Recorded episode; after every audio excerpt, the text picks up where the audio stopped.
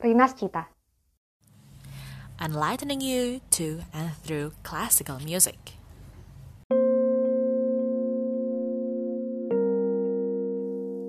Artist, a poem by Madhu R.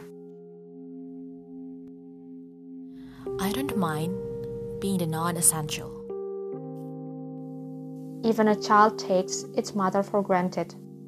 It does not run back to its mother until it's hurt.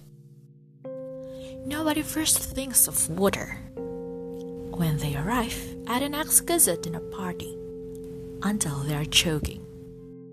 I don't mind being the non essential, knowing you will come looking when things are broken and nothing else works. Art is non essential until it's not.